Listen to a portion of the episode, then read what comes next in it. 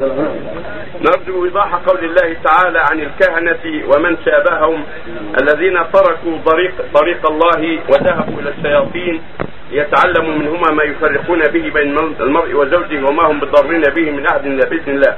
كيف يكون ذلك؟ وهل يحدث ذلك الضرر للمؤمنين والفاسقين؟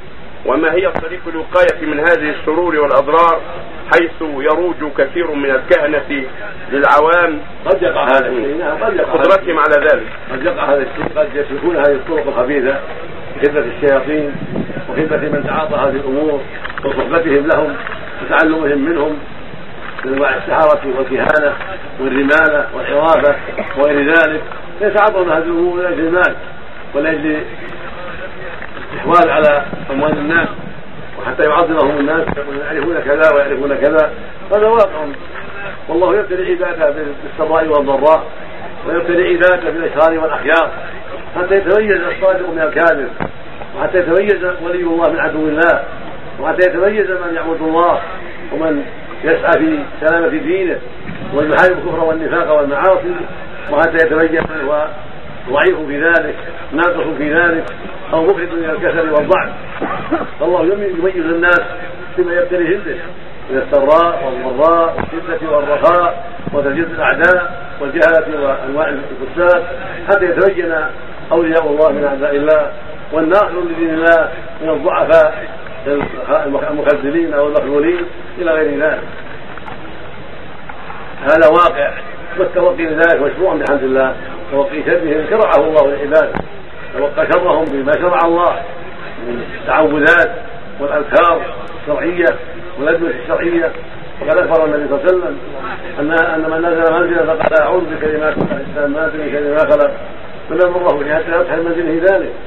واذا وقال من قال أعوذ بكلمات الله التامات من شر ما خلق. مساء. فلم يضره شيء. وقال من قال بسم الله لا يضر ثلاث مرات قال من قال بسم الله لا يضر مع اسم شيء. ولا في السماء السماء ثلاث مرات صباحا لمن الله حتى يمسي ومن قالها ليلا من الله حتى يصبح وقال من قال من قال حتى الكرسي الله لا إله إلا هو الحي القيوم يضطجع لم يضر الله شيء حتى يصبح وهذا من فضل الله عز وجل. وهكذا قراءة هو الله أحد والمعوذتين من أسباب السلام من كل سوء بعد الظهر والعصر والمغرب والعشاء والفجر. ويشرع تكرارها ثلاثا بعد المغرب والفجر. كل هذه من أسباب الوقاية. وكذلك الأذكار الشرعية. سبحان الله والحمد لله ولا إله إلا الله والله أكبر. كلها من أسباب السلامه والعافية.